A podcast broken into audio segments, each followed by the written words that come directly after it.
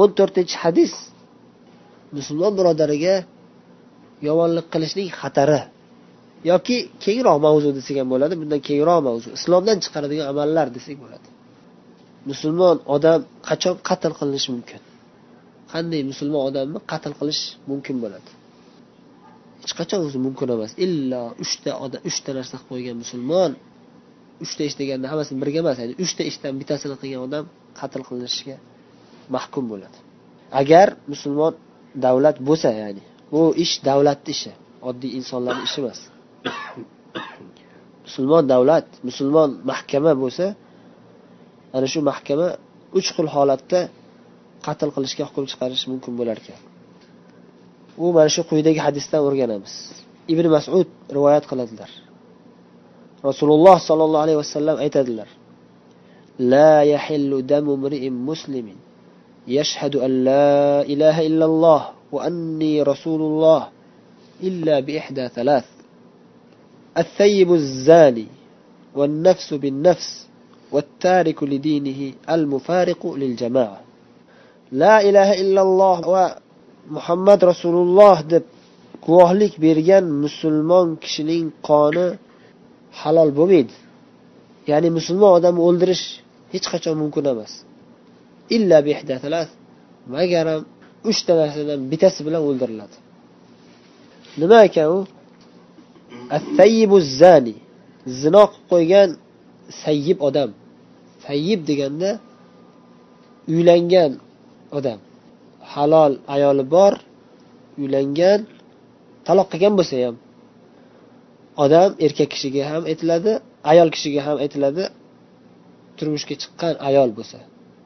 Eri bor yoki erdan ajragan bo'lsa ham bir marta turmushga chiqib er ko'rgan bo'lsa bo'ldi. Agar shunday bir sifatli inson xoh erkak bo'lsin xoh ayol bo'lsin turmush o'rtog'i bo'lgan inson hayotda bir marta turmush o'rtoqlik bo'lib keyin ajrashib ketgan bo'lsa ham zino qilib qo'ysa uning jazosi uni poklash yo'li qatl qilish bo'ladi. Qanday qatl qilinadi? Toshbo'ron qilinadi. Bu yerda aytilmagan boshqa hadislarda kelgan. Ana shu bilan poklanadi qiyomatga qolmaydi bu jazosi. Musulmon odam deyapmizu biz. La ilaha illalloh muhammad rasululloh ba'zi odamlar ba'zi inson islomni tushunmagan odamlar buni vahshiylik deb biladi. Bu vahshiylik emas bu inson o'zi e'tirof etib kelganda tadbiq qilinadi. Hech kim majburlab olib kelib san zinokorsan deb majburlab jazolanmaydi. Hech qachon. Tarixda bo'lmagan va bo'lishi ham bo'lishi ham mumkin emas. Illo to'rtta guvoh oyog'ini tirab turib olsa va bir xil so'zlab guvohlik bersa ana shunda bo'ladi lekin bu narsa tarixda uchramagan. Tarixda biror bir erkak kishini yoki biror bir ayol kishini musulmonlar tomonidan toshbo'ron qilinmagan bu odam zinokorligi to'rtta guvoh bilan isbot bo'ldi deb. To'rtta guvoh bilan isbot bo'lmagan hech kimni zinokor deb to'rtta guvoh kelib guvohlik bermagan. Ba'zida guvohlik berganda o'sha paytdagi qozi musulmon kishi qattiq qo'rqitgan va qo'rqitish kerak doim. Ya'ni kimdir biror bir musulmonni zinokor deb ayblasa qozini mas'uliyatiki qozini mas'uliyatiki u to'rtta odamni tergov qilish kerak. To'rtta odamni ta'bir joiz bo'lsa nima deydi tergov qilish kerak. Alohida xonaga olib kiriladi har bittasini birga tergov qilinmaydi. Alohida alohida so'raladi. Qanday zino qilibdi? Qayerdan ko'rding? Hatto o'sha uyatli joylarini ko'rganini ochiq aytib qasam ichib aytish kerak. Maqsad nima? Maqsad qo'rqitish va shu narsani ayttirmaslik. Shuni aytmaslik kerak. Nima uchun desa jamiyat pok yashash kerak. Jamiyatda falonchi zinokor ekan piston zinokor degan gap tarqamaslik kerak. Birov zino qilib qo'ygan bo'lsa ham o'zi tavba qiladi. O'zi tavba qiladi. Uni olib kelib turib siz majburlab san zino qilding deb isbotlashingiz shart emas. O'zi tavba qilib kelib menga hukmni joriy qilinglar meni jazolanglar desa ana shunda keyin jazo qo'llaniladi. Bunga hujjatlar ko'p. Qissalar ya'ni mana shunga dalolat qiladigan hujjat bo'ladigan qissalar ko'p. Umar roziyallohu anhu davrida ham shunga o'xshash voqea bo'lgan. Va nafsu bin nafs yana musulmon odamni qatl qilish mumkin bo'ladigan bir holat qatl qilsa bir kishini. Birinchisi nima dedik? Zino qilib qo'ysa agar turmushga chiqqan odam bo'lsa zino qilib qo'ysa shuni hukmini aytdik. Ikkinchi holat birovni qasddan qatl qilib qo'ysa qasddan o'ldirsa. Nafsu bin nafs degan.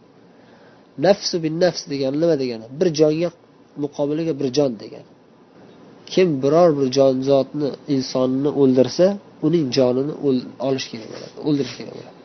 Qasddan qilsa buni ham o'ziga yarasha shartlari o'ziga yarasha tafsilotlari o'ziga yarasha tafsilotlari bor. Uni fiqh kitoblarida ulamolar batafsil sharhlashgan. Hozir uni aytamiz desak dars uzayib ketadi.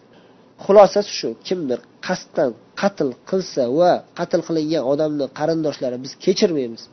Bizni haqqimizni olib beringlar mana shu qotilni o'ldiringlar deb talab qilsa musulmon mahkama hukm chiqaradi. Har kim o'zicha jazosini berishi mumkin emas. Musulmon mahkama orqali bu yerda biz bu narsalar davlat ishi bu mahkama ishi bu. Hech qachon oddiy odamlar oddiy musulmonlar va hatto ulamolar ham bunday hukm chiqarishmaydi. Mahkama qiladi. Mahkama endi ulamolardan fatvo so'rashi mumkin. Tafsilotlarni o'rganib. Lekin hech qachon ulamolar qozilik qilishmaydi. Qozilar qozilik qiladi. Mahkama rasmiy islomiy davlat tomonidan tayinlangan bo'lishi kerak. Uchinchi holat nima? Qatl qilishga musulmon odamni qatl qilishga yo'l ochadigan uchinchi holat musulmonlar jamoatini bo'lib dindan chiqib ketgan odam deyaptilar. Musulmonlar jamoatini bo'lib dindan chiqib murtad bo'lib ketgan odam. Chunki buning oqibatida nima bo'ladi? Agar shunday odam tashlab qo'yilsa u odam qancha odamni kofir qiladi? Buni ko'rgan odamlar ta'sirlanishi mumkin. Inson e, qalbi zaif iymoni zaif odamlar uni ko'rib ta'sirlanib ular ham dindan chiqib ketib qolishi mumkin. Oqibati nima bo'ladi? Do'zaxga ketadi bir qancha odam.